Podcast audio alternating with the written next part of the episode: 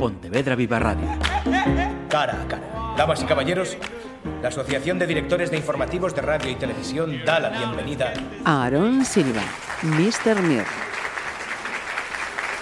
Productor musical, compositor de bandas sonoras, artista multigénero.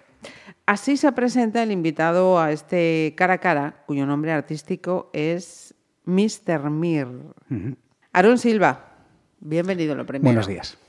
Pontevedrés, además, que no lo citábamos anteriormente, ha tenido la deferencia de venir hasta Pontevedra Viva para charlar con nosotros, porque me contabas ahora, estás residiendo en Villadoiro. Sí, nos mudamos a Ames hace unos meses, a una casa con bastante tamaño, me he podido mover el estudio fuera de la habitación. Es, es bastante bueno de cara al trabajo poder tener mi propia habitación donde trabajar separada del sitio donde duermo. Antes en el piso del centro era, imposible, horrible. inviable. Era horrible despertarse y ver ahí el ordenador y decir hay que trabajar. Y estabas trabajando y tenías sueño y la cama estaba al lado. Era muy malo para la salud mental.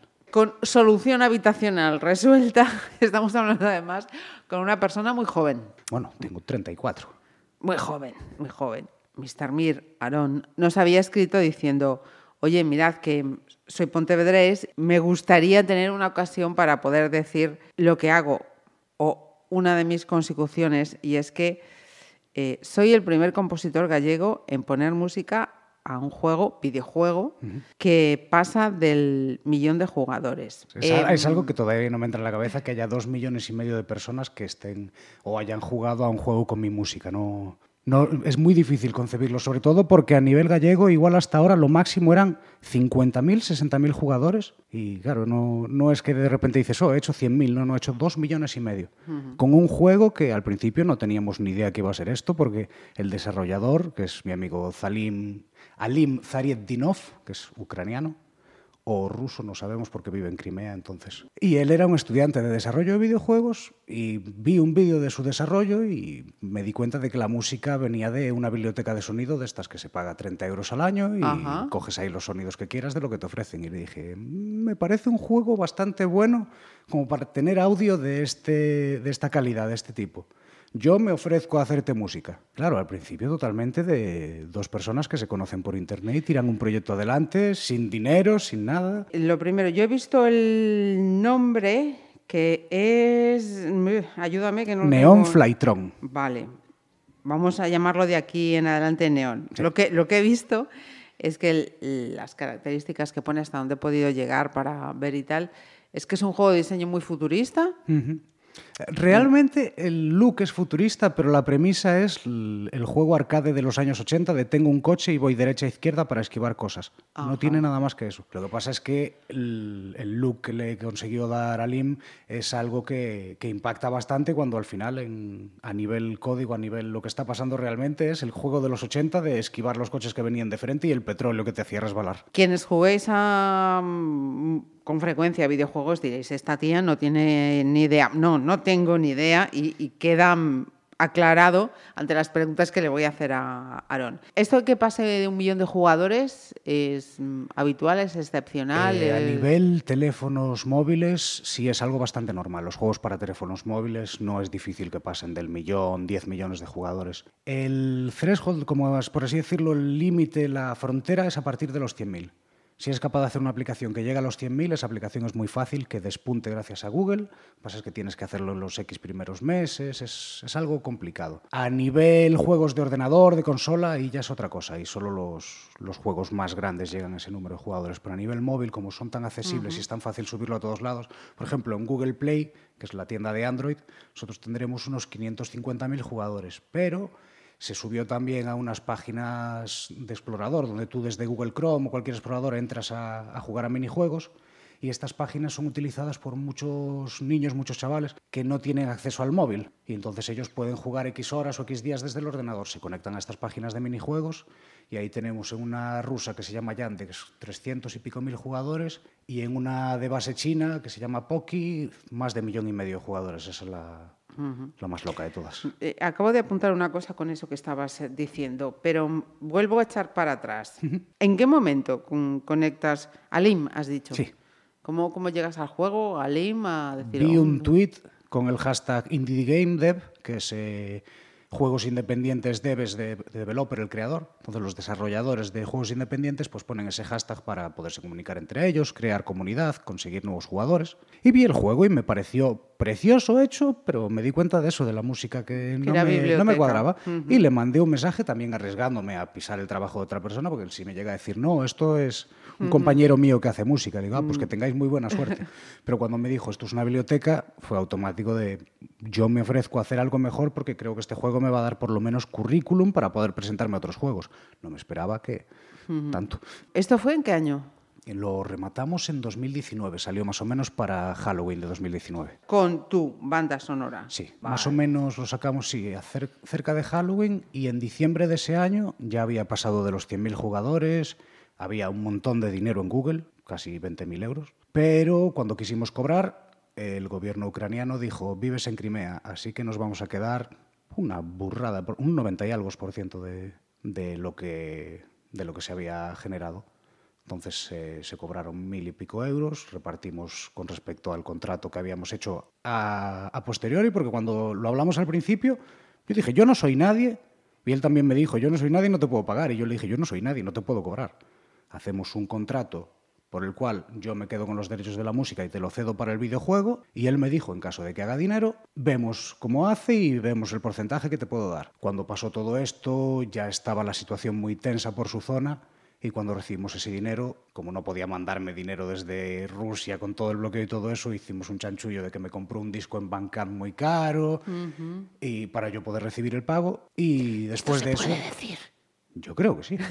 Vale, vale. En principio no, yo no me estoy posicionando de parte de nadie. Yo tengo un amigo allí y estos Sí, son que has vendido hechos. una canción que... tal. Claro, claro, Sí, estos sí, son sí. hechos del gobierno ucraniano, tiene un bloqueo económico sobre No, no, me Crimea decía lo de la y- canción por un precio elevado para sortear. Ah, sí, sí, el- Sí, sí, en sí. Bandcamp tú puedes poner un disco a pagar lo que tú quieras. Vale. Entonces hay gente que viene y paga cero Sí, euros sí, y se lleva de- el disco pagas por un gratis, Bolivic y hay cantidades gente que viene y ingentes. paga 200 Sí, sí, sí, dólares y perfecto, le hace una, don- perfecto. una donación al músico.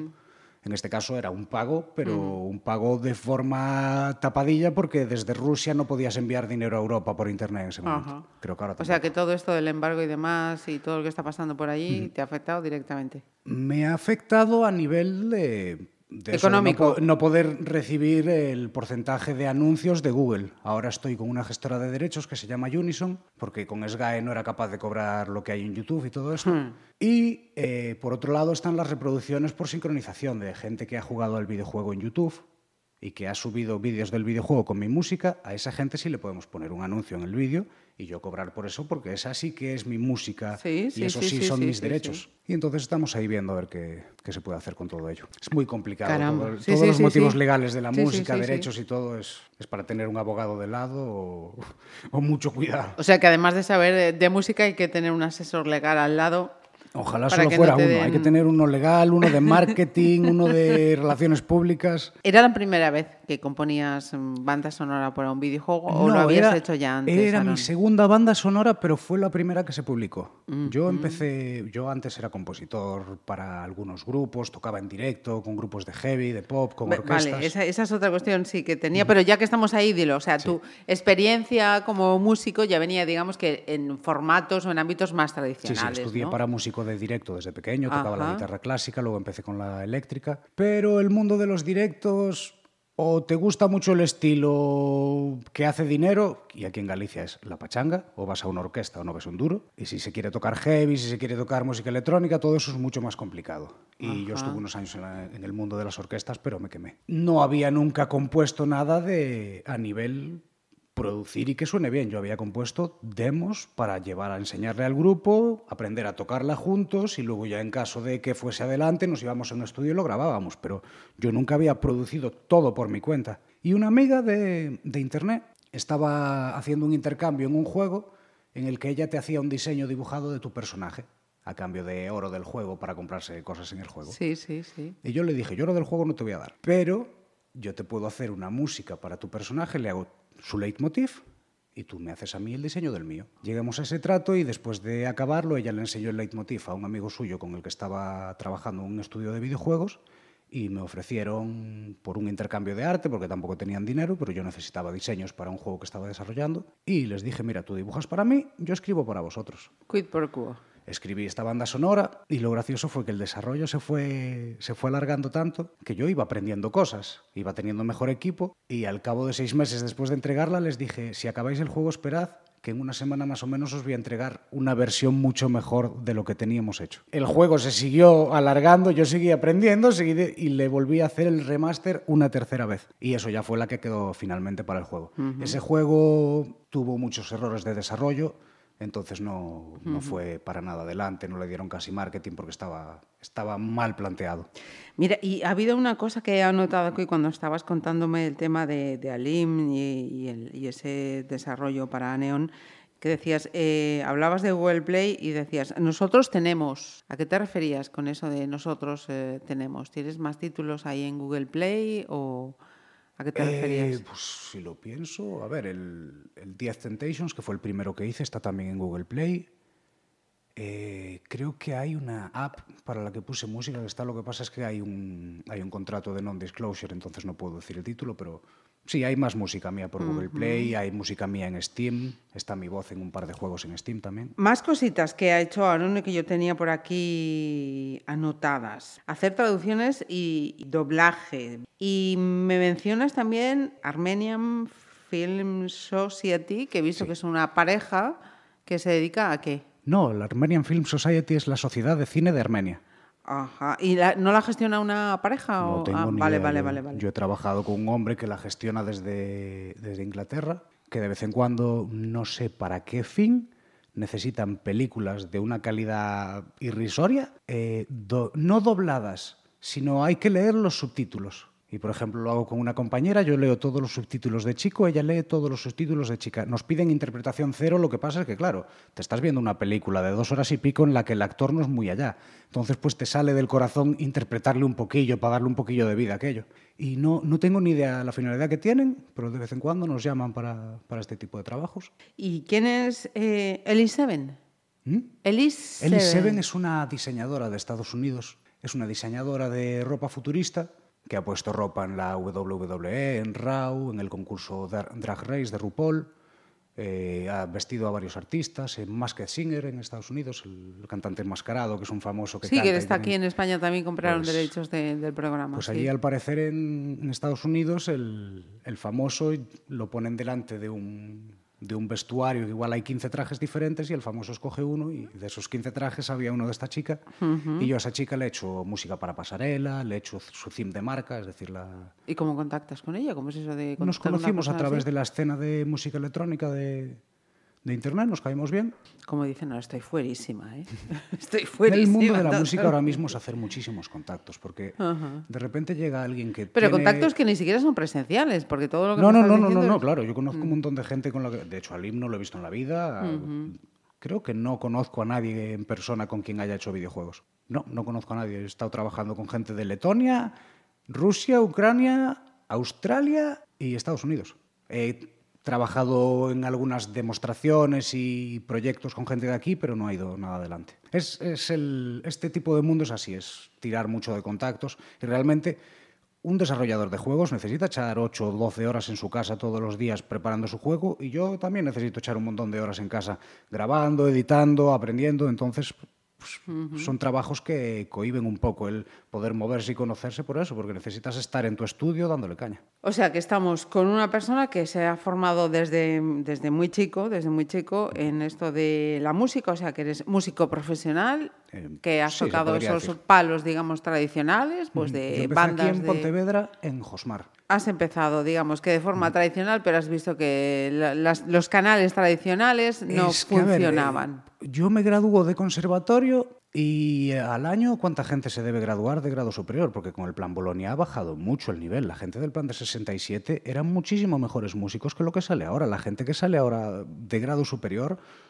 son muy básicos tocando. Hay gente muy buena, pero en general el nivel que te piden para aprobar es haber ido a clase y ser capaz de tocar una partitura sin fallar las notas. No te piden que interpretes, no te piden que modules, no te piden que, que expreses nada, simplemente, ah, la toca sin fallar, perfecto, aprobado. Venga, tienes el título de profesor. Enfréntate a 7.000 personas en una, en una oposición para profesor de guitarra, que no hay tantos conservatorios en España. Al final, es burro decirlo así, pero no se mueren tantos profesores al año como para que 7.000 personas se pongan a trabajar dando clase. Y es una, una inversión de tiempo, una inversión de dinero, hay que moverse a una ciudad donde haya grado superior, depende de los profesores, porque yo qué sé, hay ciertos conservatorios donde yo no me iría porque sé que toco más que el profesor que me va a estar dando clase y dices, tienes cosas que enseñarme porque obviamente tienes tu experiencia y todo eso, pero yo quiero que me enseñe guitarra un dios, no alguien que toca más o menos lo que toco yo. Pues de ese paso ya te entraste en el tema videojuegos o No, yo, algo? eh, bueno, durante las orquestas y después de la época de las orquestas estaba tocando en la calle en Santiago. En Santiago hay mucho turismo y quitando X meses, X semanas que son bastante complicadas en invierno, en verano se podía tocar en la calle bien para poder sobrevivir. También es eso, había gente que echaba muchísimas horas, que hacía un dinero bastante considerable. Yo no era capaz por el hecho de que me sentía mal molestar a un comercio. A pesar de que la gente de los comercios me adoraba porque tenía un repertorio largo, toco guitarra clásica bien tocada, no estoy cantando, no estoy machacando, tocaba suave, a mí me fastidiaba decir, es que llevo hora y media tocando, ya toqué todo mi repertorio y no he hecho mucho dinero. Si repito el repertorio, no solo lo repito para mí, lo repito para el camarero, lo repito para la de la tienda. Entonces eso fue acumulando, el que, bueno, que bajó mucho el turismo, la pandemia, todo eso fue mucho queme Devastador. y mi salud mental estaba a punto de reventar por todos lados y decidí, bueno, decidí, gracias a ayuda familiar, a un par de trabajitos que conseguí, estuve trabajando para Facebook unos meses y cobré bastante, entonces conseguí unos ahorros y decidí no volver a tocar en la calle. ¿Trabajaste para Facebook de? Eh, trabajé para Facebook, no puedo decir más. Vale, para las IAS. vale. Eso sí lo puedo decir, para las inteligencias artificiales. Haces tareas que, la, que necesitan que haga la inteligencia artificial, y entonces la inteligencia artificial aprende de cómo tiene que realizar esa Ajá, tarea. Sí, y hasta sí, ahí sí, puedo leer. Eh, mm, Estoy bastante metido también en ese mundillo a través de trabajos de freelancer. Todo esto de voiceovers y, y pro- muchas producciones de las que hago no, no tienen nada que ver con mi carrera artística, pero simplemente son trabajos La vida que, te lleva. Como tengo el equipo, tengo el ordenador, tengo el micro bueno, tengo conocimientos de sonido, pues si alguien tiene un podcast y tiene ruido, pues me mandan el archivo de audio del podcast y yo se lo limpio. O alguien tiene una conversación dentro de un coche que quieren presentar de prueba en un, en un juicio. Me ha pasado muchas veces en Florida, salen de estas todas las semanas. Y te mandan una conversación grabada con un micro de tapadillo en un coche que está el micro puesto en el motor, solo se oye motor, y te dicen, ahí hay dos personas hablando, limpia las voces. A veces es posible, a veces no. Y, y se van consiguiendo trabajillos de ese tipo. Casi me da miedo seguir preguntándote. De todo, en páginas de freelancers hay de todo. Va- Vamos con las cosas más blancas, vamos con las cosas más blancas. ¿En algún momento te ha tocado hacer eso que me han dicho que se llama Black Composer? No, eso es ghostwriter. Eso es Mm, composi- sería- escritor fantasma. Eh, sí. Sí. Bueno, en una parte sería escrito y en la otra sería más la parte compositiva, ¿no? Pero también se le llama escritor fantasma. Vale. Sí. Estamos hablando de lo mismo entonces. sí, sí, Se, co- se cobra bien. No me gusta. Es una figura que no me gusta porque obviamente hay, hay alguien que no tiene ni idea de música, que simplemente está a base de Poniendo el nombre Claro, y pones- la cara. Pones el nombre y el dinero y tienes a gente que te compone por un lado, por otro lado le pagas a Facebook y a Meta para que parezca que tu cuenta es gigante, cuando sacas un tema le pagas a Spotify para que tenga un montón de reproducciones y la gente no sepa que esto no lo escucha nadie y de repente pues eres grande con... Hay gente que lo hace pagando con buen nivel y hay gente que dice simplemente me voy a grabar los temas en cualquier calidad, voy a gastarme el mínimo de mi presupuesto en grabar y luego la mayor parte de mi presupuesto en marketing. Preguntaba esto, pues que lo mismo que hay eh, autores que ponen su nombre para mm, adjuntar un, un libro y realmente ese libro no lo ha escrito la persona cuyo nombre aparece con la música, pues también. Sí, a también nivel, de, aparece. a nivel de escritor creativo también me ha caído alguno de esos. De... Eh, ¿Y nos puedes hablar de en qué estás trabajando ahora? O... Ahora mismo estoy con un estudio australiano preparando un videojuego que está desarrollando allí un, un diseñador gráfico con IAs y con inteligencias artificiales sí. a las cuales le da imágenes de películas antiguas. Eh, estoy intentando obviamente caer en más videojuegos. Estoy viendo a ver si soy capaz de caer en alguna banda sonora de Netflix o de HBO o de alguna de estas.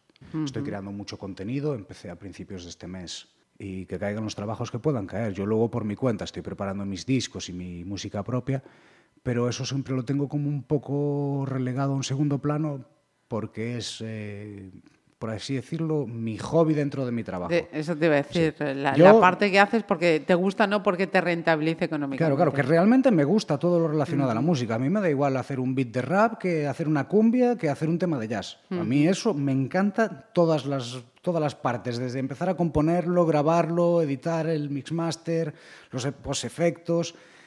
Una vez ya tengo el tema acabado, que viene todo el marketing de antes del lanzamiento, eh, cuatro días antes de lanzarlo en Spotify sube esto. Eso a mí lo odio, es lo horrible. No, no quiero, yo quiero hacer música. ¿Qué pasa? En este punto yo no me puedo permitir tener un equipo.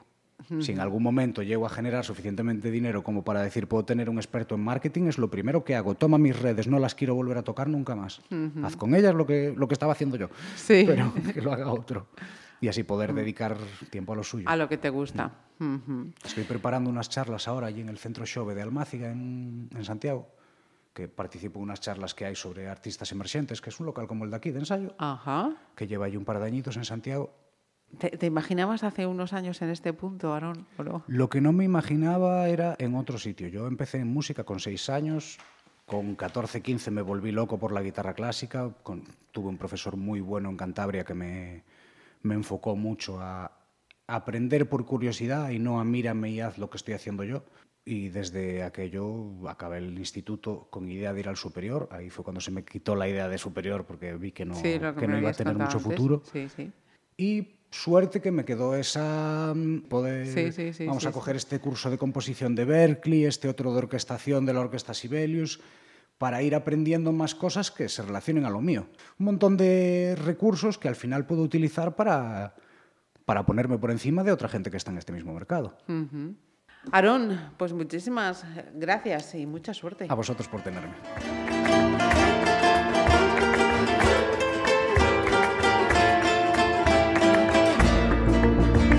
Necesito para poder continuar. Todo demonio invierta en esta oscuridad.